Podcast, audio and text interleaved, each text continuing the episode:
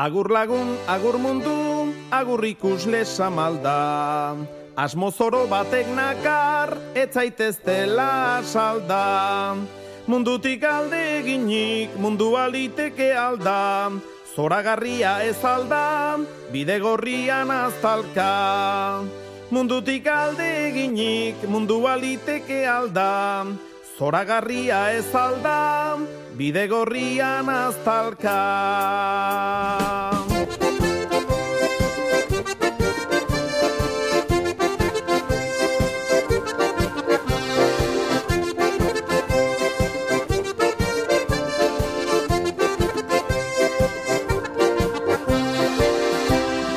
Aize kontra noa zuzen, okerraizeak buruan, aspertuko aiz lehenago, laguntenek inguruan, nire asmoak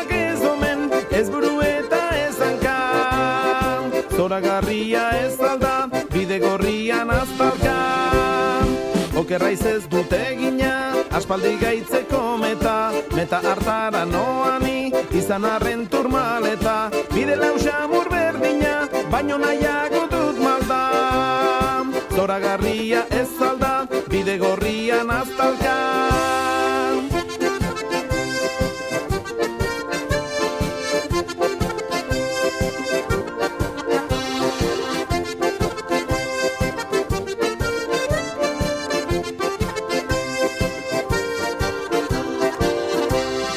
Ordokian ere beti nabilela maldagora. Badakitzaila dudala, arribatzea inora.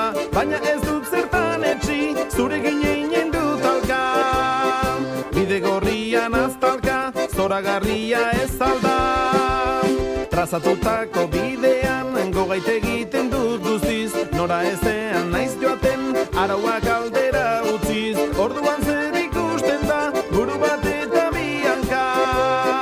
Bide gorrian aztalka, bide gorritik irten da Egun sentian aztalka, arrastirian aztalka Gau eta egun aztalka Gau eta egun, ari gara bide gorritik.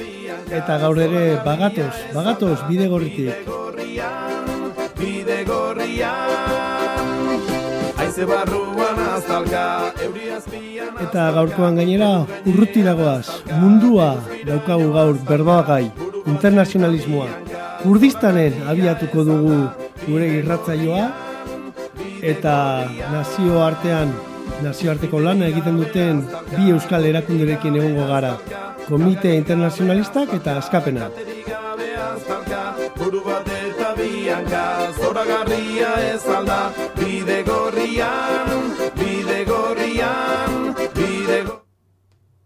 The world is waking outside my window. Eta mundu osoan borroka kantu bezala ezaguna den kantu honekin abiatuko dugu gaurko saioa. Txumbagoan badira, akustikoan, bela txau ezagun hau eginez. Wish me luck now. I have to leave you. Bella ciao, bella ciao, bella. With my friends now, up to the city.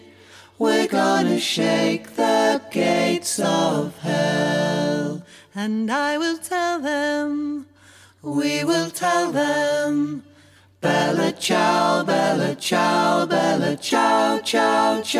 That our sunlight is not for franchise, and wish the bastards drop down dead.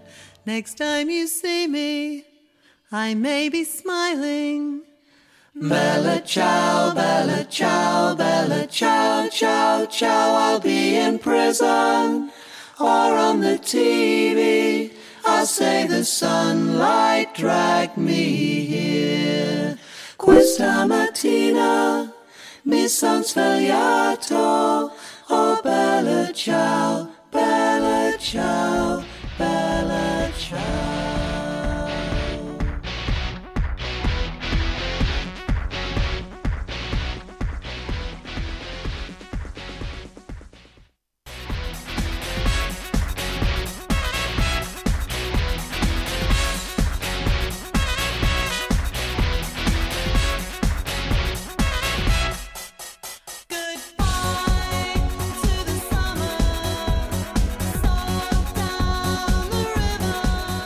eta txumbagoan bat taldea beti ezaguna izan da mundu osoan ba, borroka kantu ugari egin ditu ez delako bateko eta besteko. Talde anarkista sortzeetik eta mundu osoan ezagun. Belatxa horren ostean kantu alaiago bat baina kantu asko eta asko entzungo ditugu gaurko bide gorritik zai honetan. Eta jite internazionalista hori gehitu diegu guztiei. Eta noski guztiak ezingo ditugu hemen entzun baina gure playlist internazionalista horretan entzunga izango dituzue zarean edo zeinunetan.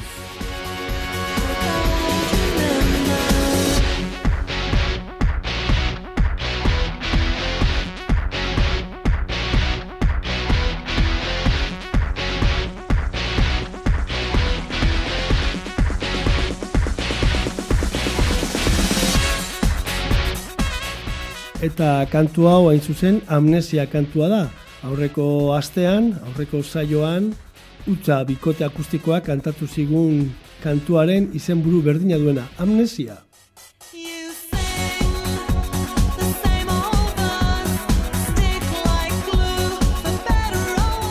Eta gu saio honetan batipat memoria lantzen saiatzen gara, buruz ari gara maiz, baina memoria diogunean gure historia lantzen ari gara, gure zaugarriak, nazio ezberdinen historia eta zapalduen historia azken finean.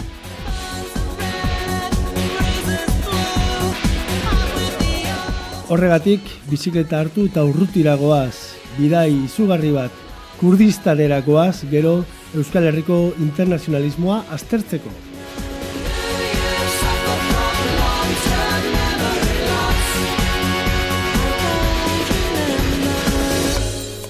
musikak eta herriak nahaztuz, zaporeak eta usainak, jendea eta ideologiak.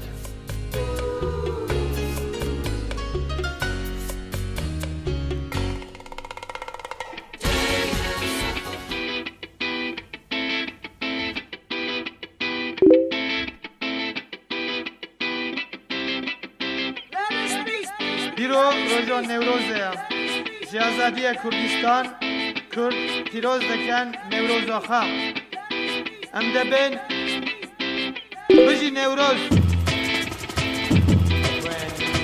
بجی کردستان. بجی پارتیه کارکره کردستان. روش باش گریلا.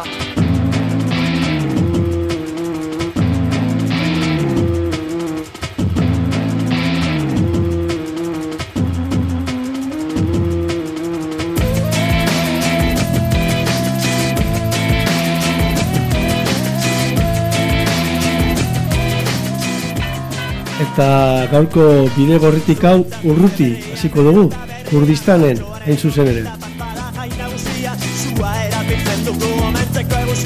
Beste zugarren berri zerre dituzterriak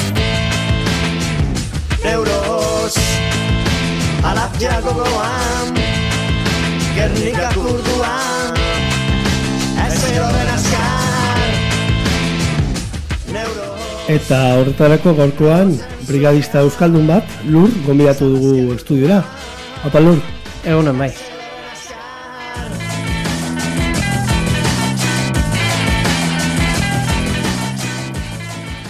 Kurdistan esan eta zer datokizu gogora?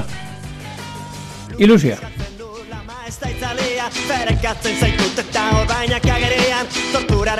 Marrak orain dikirekiak Goiztiaren akiak, bizturko duzu argiak Nuk matxik urduera bizitzeko ikasi Zua pizten dugu, zertarako? Obentzeko eguzkia, abesteak nara era. Hori dio kantuak, hori dio neurroz oitura horrek ere bai, zuek, eh, Komite Inter Internazionalistako kideok, duela gutxi onzarete kurdistanen, zer ekarri duzu handik? Bueno, ba, agian informazioa ez, ekarri dugu handik edo, edo bizipenak, ikusi dugu egoera oso latz bat, eta, bueno, gerra baten pean e, bizitzera behartu duten herri bat, baina baita ere ikusi dugu gerra horren pean ere gauza asko, gauza berri asko sortu nahi dituen jende asko. Noiz egon zineten kurdistanen? Ba, irailan zehar, iraila sieratik, bukara eraino iaia. Eta zenbateko brigada izan zarete? Hiru pertsona, ibile gara. Eta kontatuko duzu, gutxi gora bera, zer den e, brigada horretan egin duzuena? Bai, ba, bueno, bertan egon gara, batipat e, bertako mugimenduak ezagutzen, egoera e, bertan zertan den ikusten, eta, eta bueno, ere ba, e, komunikazio lan bat e, egiten saiatzen, ez?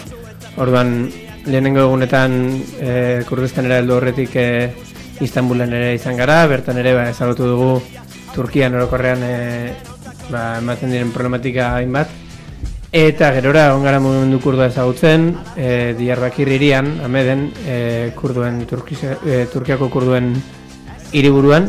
Eta beranduago ere gerturatu gara e, Siriako kurdistanekin mugara, e, surutxera, eta bertan bueno, parte hartu dugu e, korridore humanitario baten aldeko karabana batean, eta ba, gero ameden bueltan e, ikusiari izan dugu sakonago zertan datzan autonomia eh, Ameriko alde zerrean deklaratuta dagoen autonomiak. Eta ze ondorio nagusi handik etorrita bueltan, Kurdistan aipatu, Kurdistan eh, beti ba, estatu askok zapaldutako lurra izan da, eta eta hemen Euskal Herrian ere landu izan da haiekiko elkartasuna, gaur egun e, ba, oso oso aipatua den lurralde bada, ba, beste beste, oain arte e, etxai gutxi ez, eta estatu islamikoa ere gaine gainean dokate, Kurdistan esan eta zer esango zenioke entzulei? Entzulei hori, e, niretzat oso kontrastean izan diren bi ideia horiek, ez? E, surgimenduaren ideia hori, zabalkuntzaren eta eta inposatutako gerra batzuen e, ideia hori, eta eraberean e, proiektu bat, proiektu politiko eta sozial bat e, indarra irabazten eta oso zentzuna e, ingurunearen zako referentzia bat eta munduarentzako referentzia bat bilakatu daitekena eta e, egun egun e, errealitate egiten ari direna bai Kurdiskaneko parte ezberdinetan.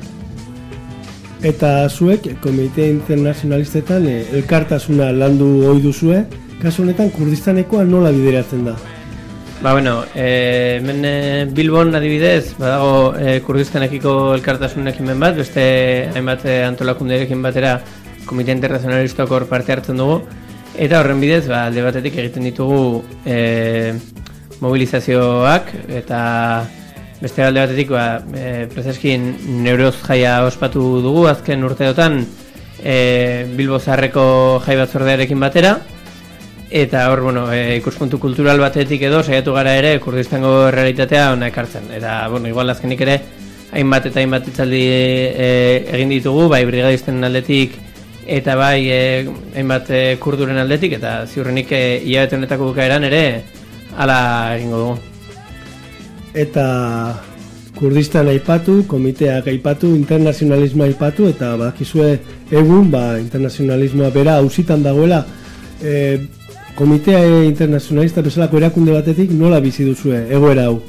Bueno, bizi dugu hori ez, e, bakigu e, e, asteotan e, ekiten ari diren e, ofentsiba guzti hori e, askapenako kideen aurka eta bizi dugu batipat elkartasunez, ez? E, bueno, alduguna egiteko e, mugitzen saiatzen gara eta e, bakarrik ez daudela, ez? Helarazten diegu e, askapenako kidei izan ere ba, bada antolakundu bat e, askotan e, lankidetzan ibili izan garena, ez? Eta orduan bai, egin batean ikutuak e, sentitzen garela ere, gure e, kideak e, gartzeleratu eta gurekin gehien lan egiten duen antolakundetako bat e, debekatu nahi denean, ez?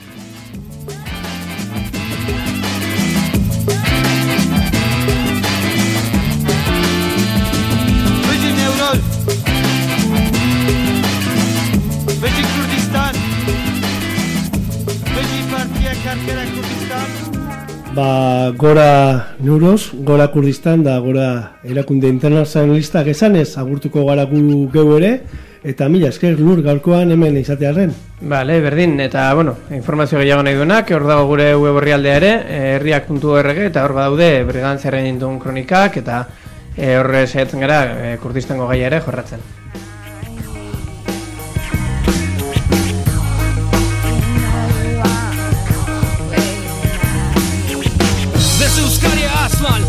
Liberation will be won. La unión hace la fuerza, matamos la pobreza, destruyendo la riqueza. Yo, it's gotta stop, it's gotta come down. From me, Muguruza, Aslan underground, organizing, exercising. If we liberate alone, then what will come? Embargoes and scapegoats will be the outcome. To rid the world of truth, but if all the nation world come together, revolutionize, organize dialogue, wouldn't stop to see forever. So it's like being in the hood when you scrap. But this time it's nations coming together, got each other's back. This is Scotty, ah Nawak, ah Africa, ah Asia. Liberation will be won. Hasta la victoria siempre.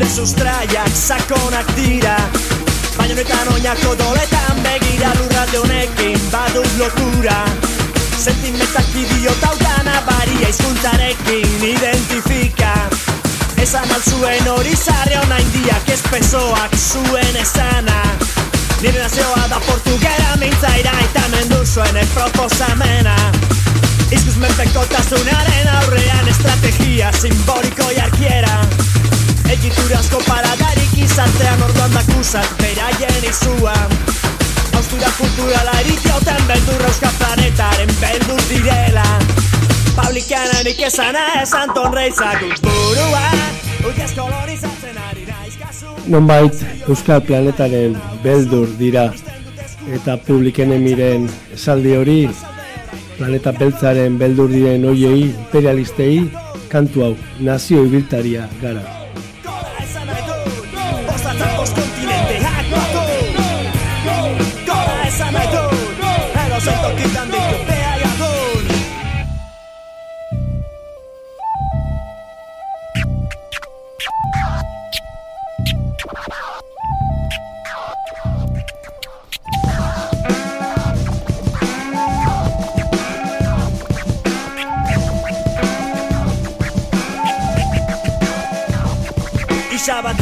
Saltzen aizkorak Ta zorrozturik daude hitz egitean Independentzia edo aurkitzean. Apaldurak edo gehiagikeriak Desenplegua edo zentzura. Polizi prepotentzi pasakeria Berrezkatzen du furi eskubidea. Mina eta irezko aizerontzia Eta bideiken dut munduan zehar. Klase borroka oraindik sentitzen dela Eta edo zen gizat bide lorpena Naukazu hemen kerran Sistemaren kontra hau da nire karrera Resistentzia baita gainera Erne iraunkor bateko egoera all roads now they're leading to one place. Revolution for the mind, don't matter what the race. For direction blows a wind, now we're blessed. From the north, the south, the east, and the west. With the common struggle, now we unify the colors. Red, yellow, black, white, we're all brothers. In the fight against a neoliberal greed, with words and music, we spread that word against the seed and plant it down deep in the earth. Minds across the world, now we're ready for the rebirth. The change for the good, you know it's coming soon. Rising from the earth, now we're born from the womb. Burua, Uiaz kolonizatzen ari naiz kaso Nazio bat ibiltaria naukaso Izten dut esku hauka bila altzatoz Nirekin bazaude oraino jukatu Gurekin bazaude oraino jukatu Gora esan nahi dut. Bozatzen post kontinenteak batu Entzun ditugun bi kantu hauek, Neurroz eta Nazio Ibiltaria naiz, Brigadistak Sound System diskokoak dira, Fermin Muruzak kaleratu zuen disko internazionalista hori, eta gaurkoan, bide gorritik saio honetan, kantu internazionalista munduko borroka kantu ugari entzungo ditugu. para la humanidad. Taekana Mexica Aslani. Taekana Euskalduna.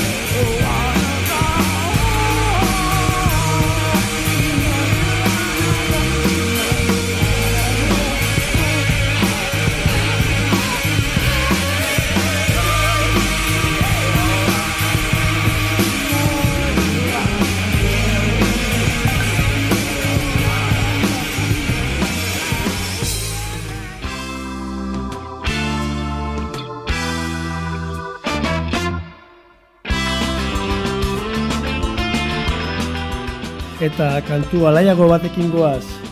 Brigadistez, internacionalistez. Tu ja saps, no és un conte ni un somni tampoc.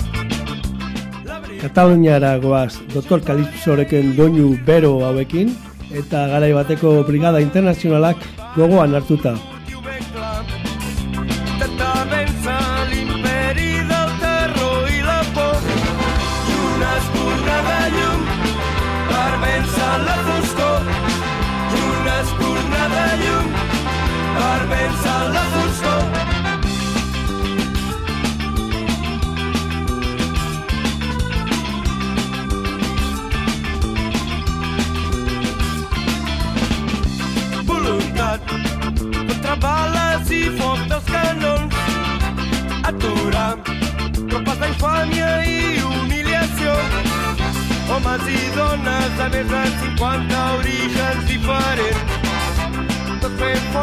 Sota la frase del no del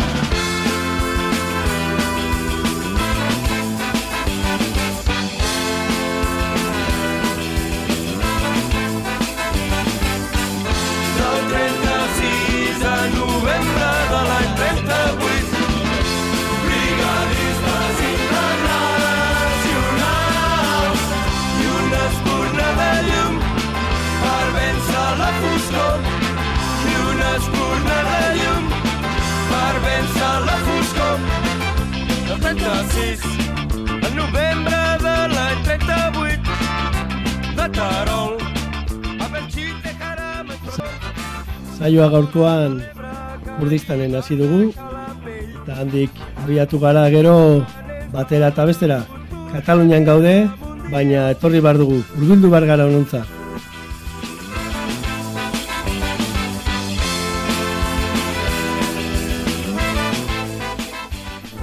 Datorren iganderako, astelenerako, hispanitatearen egun horretarako, guardia zibilaren egun horretarako, ekitaldi bat dago deitua Iruñan, herriak libre izenburupean.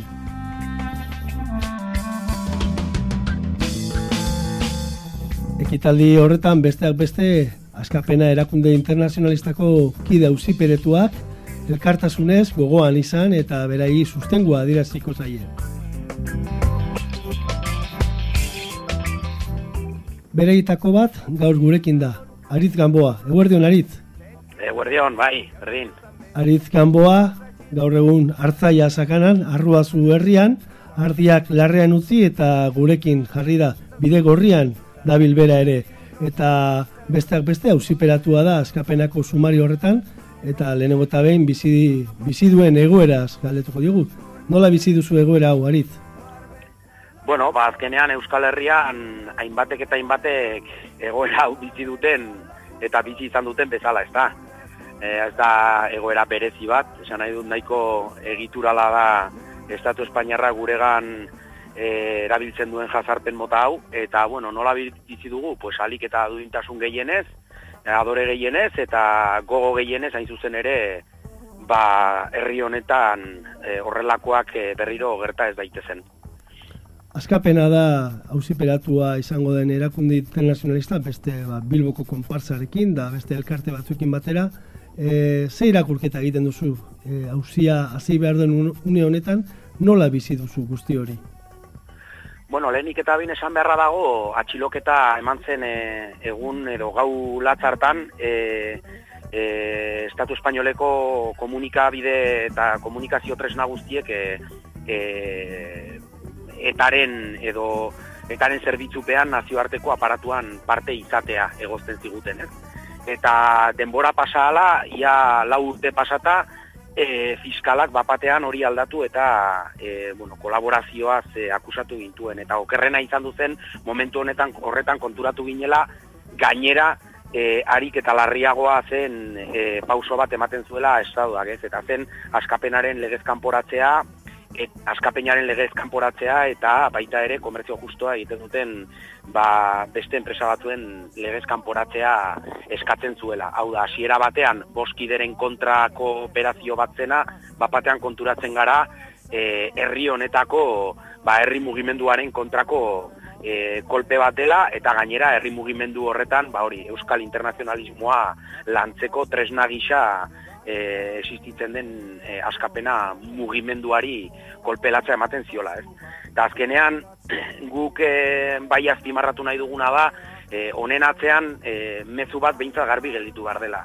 E, zenbaitek e, uste duten bitartean e, ilegalizazioen garaiak bukatu egin direla, argita garbi gelditzen da berriro ere herri honetan, ba hori, e, garai horiek ez diela pasa, oraindikan errealitate bat direla, estatua jarraitzen duela jazarpen e, berdinarekin, eta hortaz e, ezin dugula e, inolaz ere ba, ba horrelako egoera bat gainditutza teman eta zuk zeuk e, internazionalismo aipatu eta zer datorkizu burura? Zer ikusten duzu hitz horren artean? Bueno, e, nik eta guk esan nahiko nuke e, askapenako militanteok eta e, baita bosta uzipetuok e, internazionalismoa hitz egiten dugunean euskal internazionalismoa hitz egiten dugu. Eta honekin zer esan nahi dut. Internazionalismoa e, nola ulertu dugun euskal herrian behintzat askapenaren ikuspegitik. Ez? Eta guretzako elemento nabarmen batzuk behintzat e, azpimarragarriak izan beharko lirateke. Batetikan e, mundu e, munduko gainontzeko herri eta borroketan solidario izateko modu eraginkorrena bakoitzaren e, askapen prozesuan parte hartzea dela. Hau da, e, Euskal Internazionalismoa, Euskal askapen bidean e, txertatua egon behar den e, lan eta borroka bat izan behar duela. Hori da lehenbiziko e, azpimarratzeko lehenbiziko elementua. Bigarrena, e, noski ez dela Euskal Herri askerik egongo e, askea ez den mundu batean. Hau da, palestinarrak aske ez diren bitartean, e, korsikarrak aske ez diren bitartean, saharaguiarrak aske ez diren bitartean, e, eta bar eta bar Euskal Herria ez da aske izango. Eta beraz, e, gure askapen bidean ezinbestekoa da baita ere beste herrien askapen bidean parte hartzea. Horretarako, bueno, pues elkartasuna e, izan behar da e, elemento ardatza, ez? Eta konpromisoa eta borroka izan behar da bidea hori da e, askapena nolabait ere definituko luken bezala internazionalismoa eta ni neuk definituko nuken bezala. Segurazki oso axaletiken esplikatu den gauza bada, gero elemento asko eta zehaztapen askotara jo, joan gintezke, baino hiek dira igual bi elemento nagusiak, ezta? Eta askapenatik, askapenako kide zaretenok, nola bizi duzue internazionalismoa? Zer da e, egunerokoan egin izan duzuena, egiten duzuena, zein da zuen defensa azken finean? Askapenak egin duena da, bi nora bide hau da, joan etorriko elkartasun batean, e, sinesten duen mugimendu batean, e, ba, tresnak, e, bideak eta e, lanak eta borrokak egitea. Ez? Eta horretarako, ba, adibide ezberdina jarriko ditugu. Lehenik eta behin, Euskal Herriko jendartea, Euskal Herriko militanteak beste herri eta borroka batzuen ezagutzen e, bidean jarri. Ez? Eta horretarako, brigadak izan dira gian elementu nagusiena. Ez? Bestetikan Euskal Herrian ere gainontzeko herriekin borroka konpromisoak hartzea eta horretan adibidez oinarritu dira zenbait eta zenbait kanpaina burutu direnak Euskal Herrian. Adibide bat eh, jartzeagatik Israeli boikot kanpaina, nazioarte osoan eramaten ari den dinamika eta askapenak e, Euskal Herrian dinamizatzen saiatu den eta lanean ibili den dinamika, ez? Coca-Colari boikota baita ere, e, oroitu bergara adibidez e, Iraken e, inbasioaren garaian eta lehenbiziko gerra garaian ba, arkazak eta bideratzearen kanpaina. E, esan nahi dut, e, azken finean, e, askapenak lehenbizi ezagutza behar du, baino gero kapital militante eta formakuntza e, politiko hori trasladatu behar da e, praktikara eta zenbait eta zenbait kanpaina bideratu ditugu. Beste elemento bat azpimarratzeko askapenak egin duen lanean eta defendatu beharra dagoena da Euskal Herriak ere elkartasuna behar duela. Eta gu gara elkartasun hori e, antolatzeko eta bideratzeko ardura asumitu behar dugun lehen bizikoak.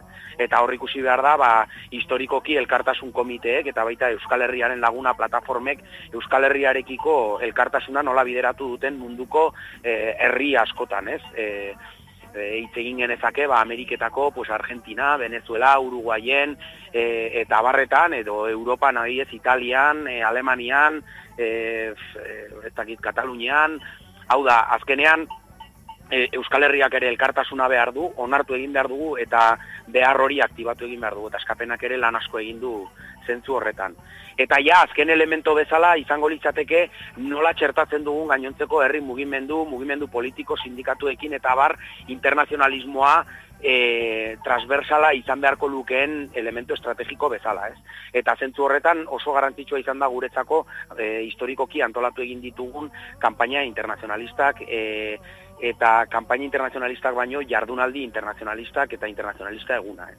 Eta hain zuzen ere, orain horrela oso laburki defin, definitu ditudan ekimen hauek, askapenak e, historikoki burutu dituen ekimen hauen gatik izango gara gu epaituak. Hau da, zer egoizte, egozten digu guri hauzitegi nazionalak, hau da, Estatu Espainolaren tresna errepresiboak. Pues egozten digu hain zuzen ere, brigadak antolatu izana, Euskal Herriaren lagunak e, ekimenak e, antolatu izana, e, Estatuaren izaera antidemokratikoa eta zanpatzailea munduan barrena zabaldu izana, e, bertan Euskal Herrian beste eragile eta erakunde politikoekin internazionalismoa zaritu eta internazionalismoa antolatu izana, hori da azken finean epaiketan aurkituko dugun delitoa, eta esaten duguna da delitu horren aurrean noski errudun garela, internazionalista garela, askapenako kidea garela, berresten garela gure ezkerra bertzaleko militantzian, eta beraz e, aurrera e, eta gainera, dei bat Euskal Herrira eta mundura aurrera egin beharra dagola bide horrekin eta hori gutxi ez, eta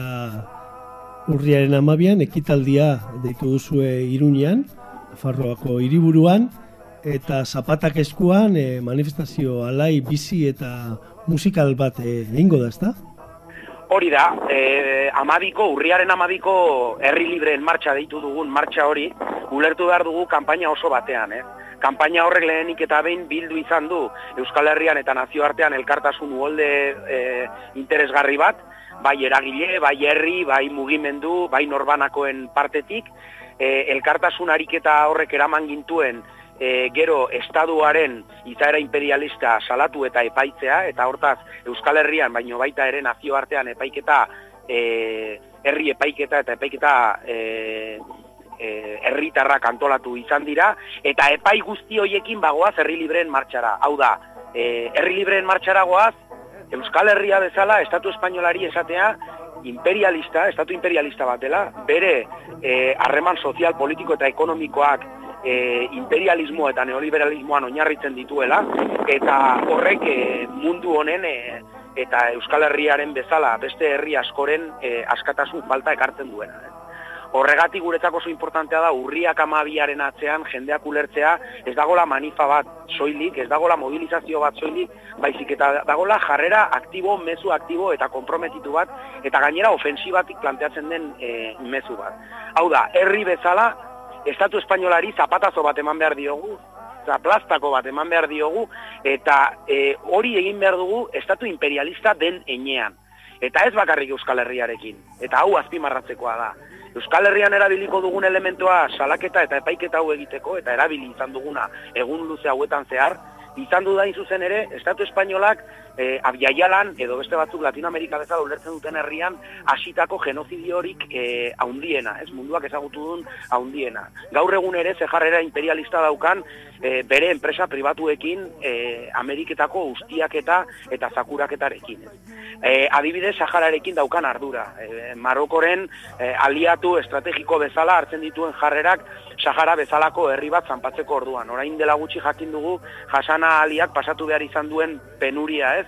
Atxiloketa baten ostean, baino azkenean egoera hori badator, Estatu Espainolak nolabait ere e, bere jarrera imperialista hori erabiliz, e, ba, jasana bezalako e, Sahara guiar bati eta herri oso bati nola jazarpena eragiten dion Marokok eragiten dion bezala. Adibidez, esan behar dugu Euskal Herriak otani ez esan ziola, e, azken e, referenduna ura izan duzen, eta hala ere, bardeetan nola tiro poligono bat dagoen, e, hain zuzen ere, otanen zerbitzuan, gerra krimenak munduan zehar egiten dituena. Hau da, Estatu Espainola imperialista da ez guk esaten dugulako, baizik eta izaera horretan antolatzen delako. Eta gu, amabian joango gara, batetik esatea, ez bakarrik Euskal Herriarekiko daukan jarrera, baizik eta estatu gisa mundu guztian zehar dauzkan ardurak eta jarrera horiek salatu eta epaitu egin behar ditugula. Eta horretarako pausoa herri honek ematen duela, hau da, Euskal Herria.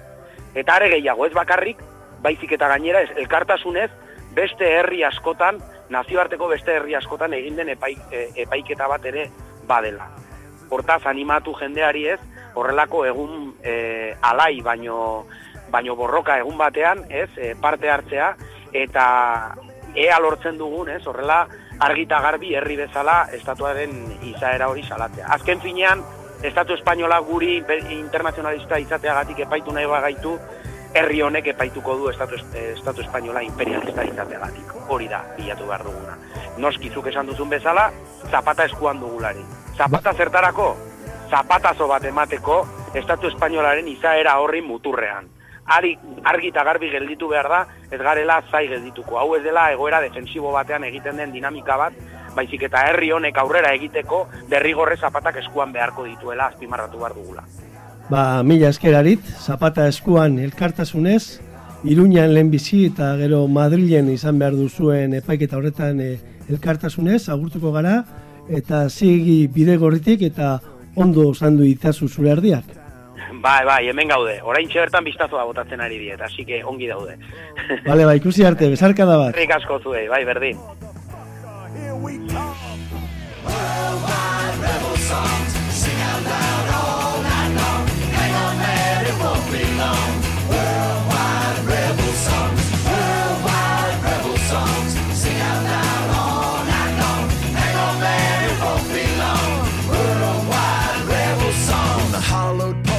Ireland, in Nairobi's sprawling slums, in Korea, open fire with a guitar, bass, and drums. Down in Gaza, down in Fresno, out your door and down your street.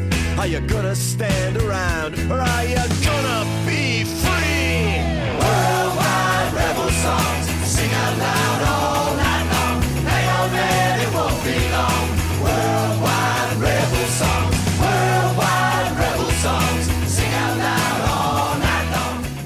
Eta guk munduko abesti errebeldeak entzuten jarraitzen dugu. Worldwide Rebel Songs, Tom Morello, Reigns the Gains de Machine taldeko gitarraria.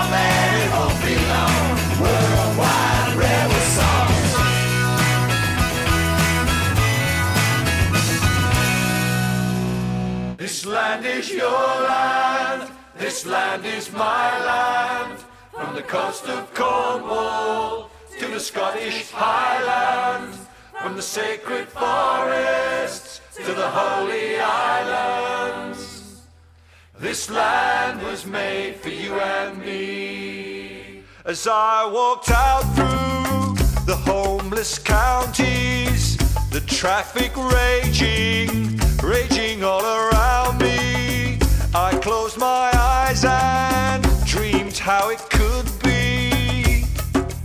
This land was made for you and me. This land is your land.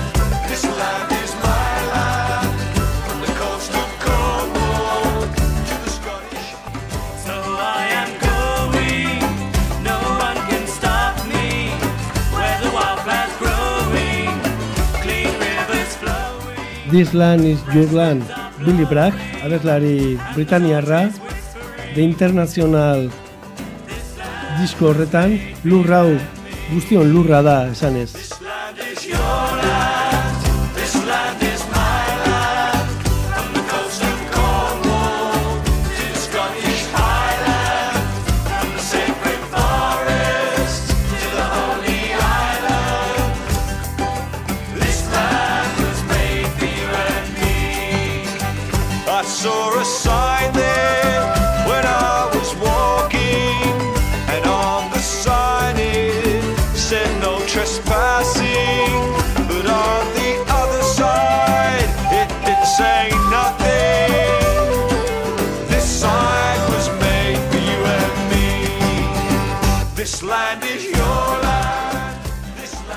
Eta sarean bi gune aipatuko ditugu. Komite Internazionalistak erakundeak herriak.org gunea dauka.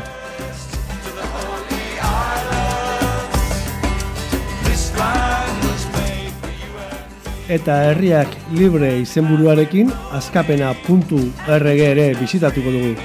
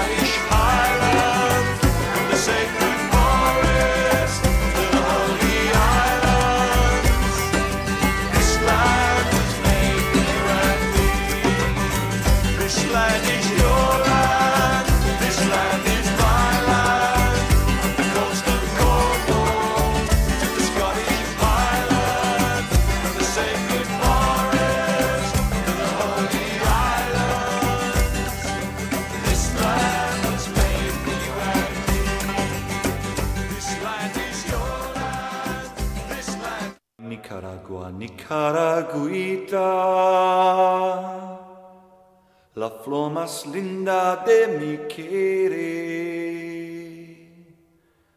Abonada con la bendita Nicaraguita, sangre de Drianquem.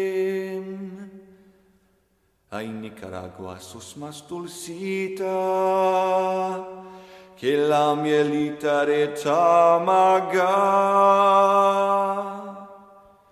Que ya sos libre, Nicaragüita. Yo te quiero mucho más. Pero ahora que ya sos libre, Nicaragüita. Yo te quiero mucho. Guajira para el recuerdo. Billy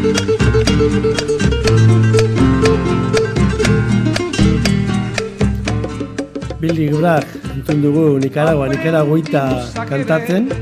Eta inon internazionalistarik izen bada hori Ernesto Che Guevara izan da. Eta asko dira berari eskainitako kantuak. Baina guk Buenavista Social Clubekoek grabatutako hau entzungo dugu transparencia de tu querida presencia, comandante Che Guevara.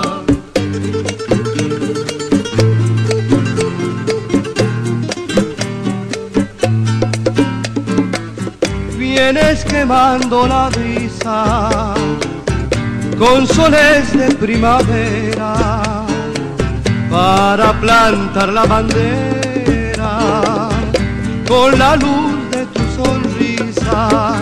Aquí se quedará clara la entrañable transparencia de tu querida presencia, comandante Che Guevara.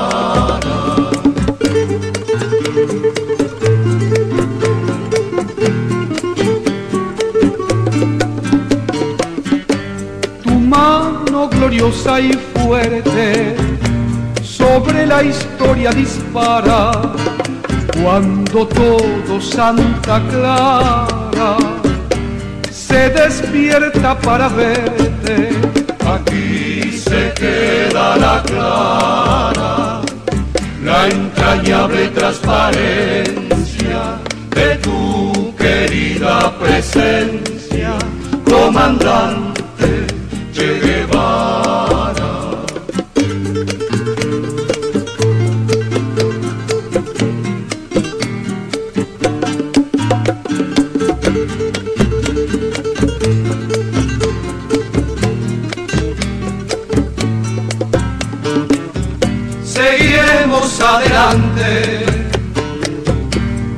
junto a ti seguimos, y con Cuba te decimos, hasta siempre comandante, aquí se quedará clara la entrañable transparencia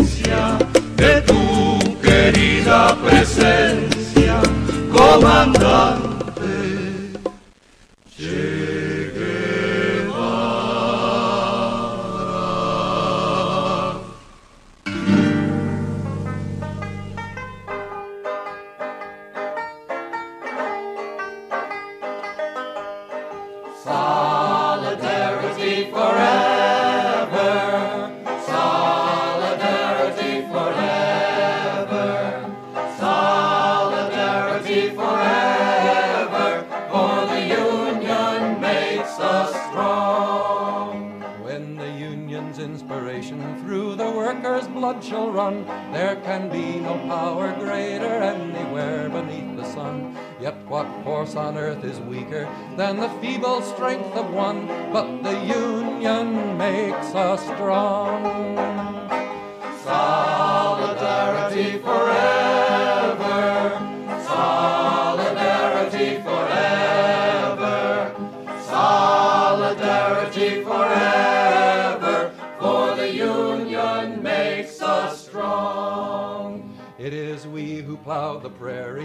The cities where they trade, dug the mines and built the workshops, endless miles of railroad laid. Now we stand outcast and starving mid the wonders we have made, but the union makes us strong. Solidarity forever.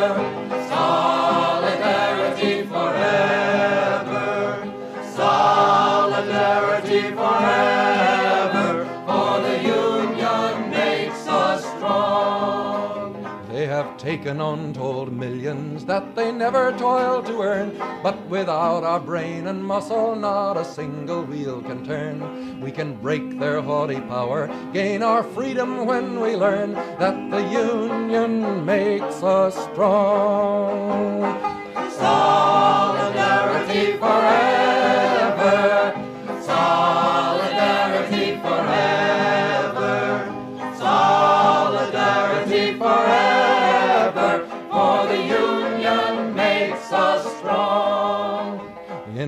hands is placed a power greater than their hoarded gold, greater than the might of atoms, magnified a thousandfold.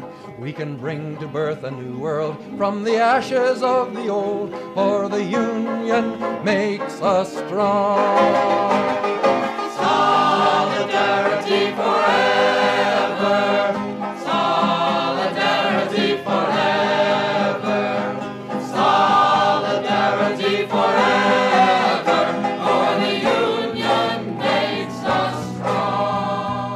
Eta duela urtebete utzi gintuen Peter Seeger izan dugu gurekin, eta Ameriketara egin dugu horrengatik folkaren eta musika, herri musikaren maizua zen Pete Seeger, eta Solidarity Forever kantu hori, elkartasuna guztiontzat kantu hori, ba, oso esanguratzua da. Baina musika aitindaria, musika rockeroa ere bada mundu osoan zehar, eta musika hori ekarriko dugu gogora gaurkoan, ba, kantu eder honekin deklastaldeak egiten zuen Jimmy Jazz, mundu osoan zehar lanean ibili diren hoiei eskenia.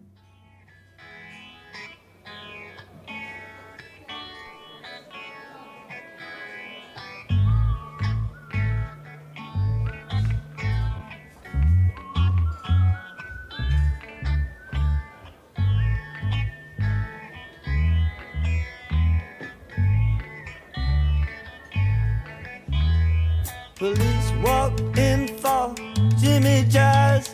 I said he ain't here, but he sure went past.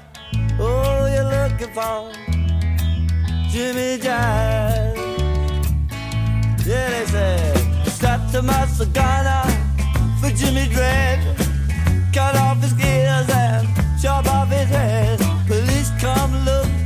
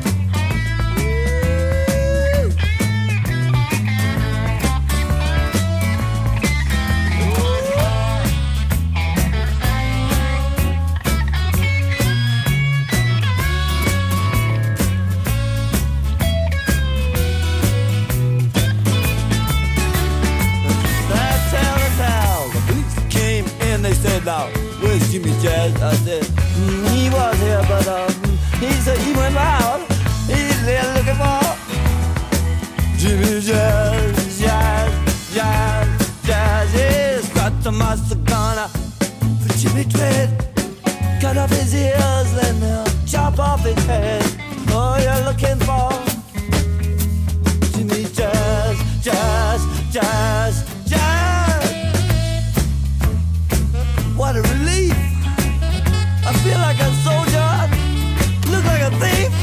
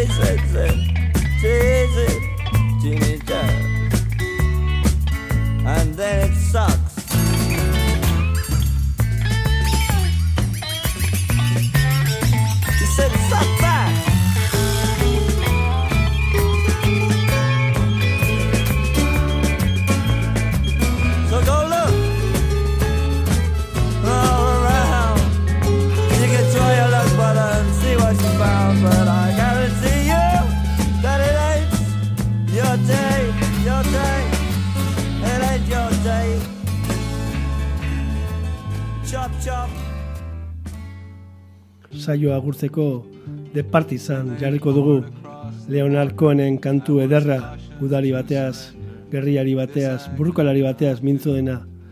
Aste honetan, la direkta astekari katalanean elkarrizketa luze bat egin diote Arnaldo Tegiri. Eta besteak beste kantu hau maite duela idatzi du. Zeran ez du maiteko ba. Berari eta bera bezala giltzapean dauden guztiei hemen eta munduan. Guztiei besarkada bero bat eta maitasun hitz hauek. and some of them are with me.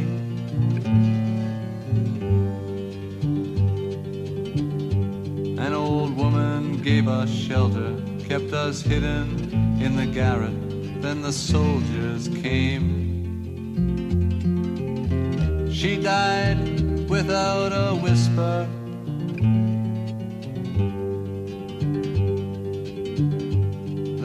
Three of us this morning. I'm the only one this evening, but I must go on.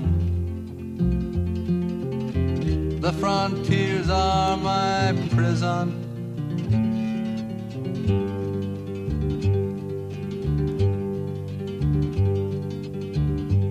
Oh, the wind, the wind is blowing. Through the graves, the wind is blowing. Freedom soon come from shadows.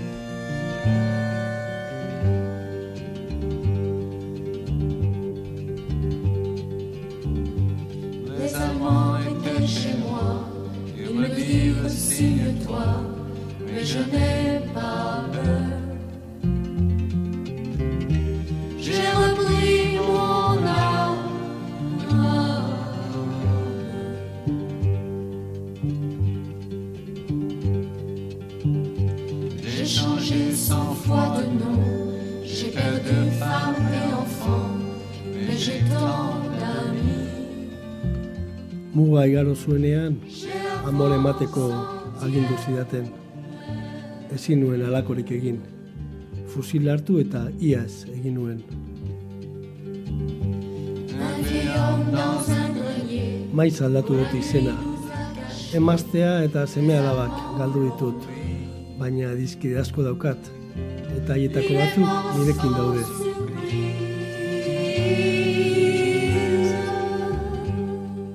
Emakume zahar batek babesa eman zigun. Etxeko ganbaran eskutatuta. Orduan soldaduak iritzi ziren. Susurlarik gabe hil zen.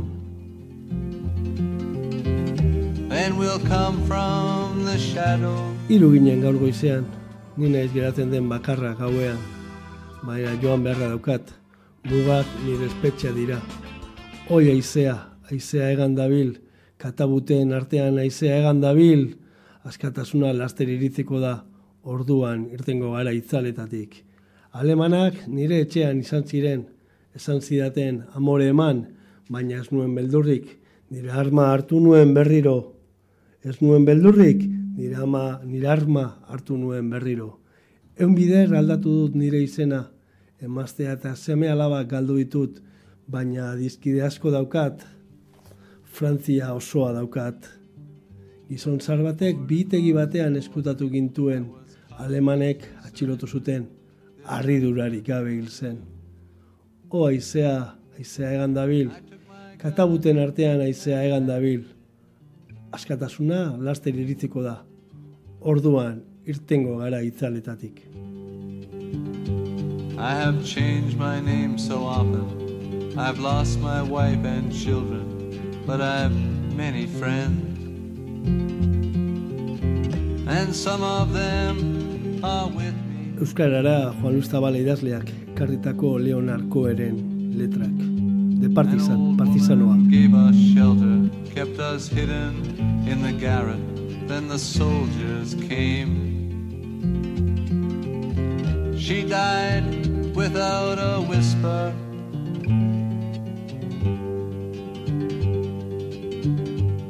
There were three of us this morning. I'm the only one this evening, but I must go on. The frontiers are my prison.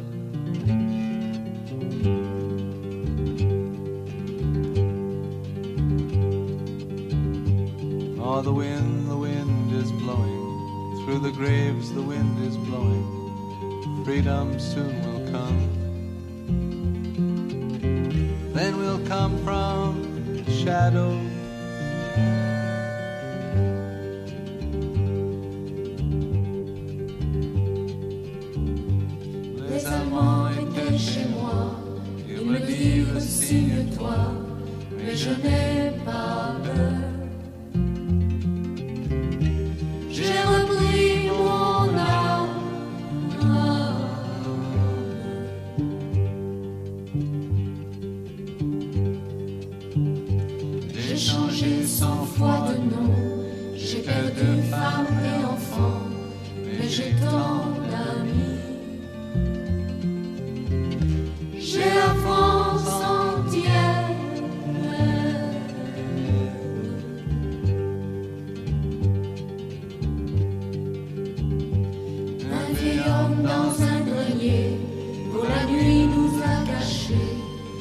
Allemands l'ont pris. Il est mort sans surprise. Eta horrelako kantuen artean agurtuko dugu gaurko saioa. De partizan utzi eta jakin badakigulako eguraldi lainotzua dagoela hiriburuan. Parisen, besteak beste, San Denisen oraindik euria ere du. Viva Sue!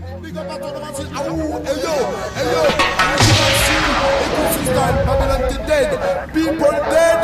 Eh, qu'est-ce qui se passe? Regarde, regarde Schmidt qui tourne autour de nous, la Martine, la Alors écoute ça! Right! Écoute ça! Right! Écoute ça! Right! Uh-huh, uh-huh. Oh oh oh! Fucky, fucky, fucky, fucky, fucky! Nesta bat telefono cabina e ci batte in barotek! In fila e in chemise, j'aime il urduri. Amsterdam edo zloko goan jo naiz. Elbidera kurri baitut autobusean. Merdino gaizku ertu bat besterik ez da izan. Gantino kalteran arama Leioaren alboan ez erik alez gabe goaz Ona zisto espetak dela tombe dela min Arragik aletako espektakuloa Begiratzen erortzen ari den gaupean. Eko cambian. Debo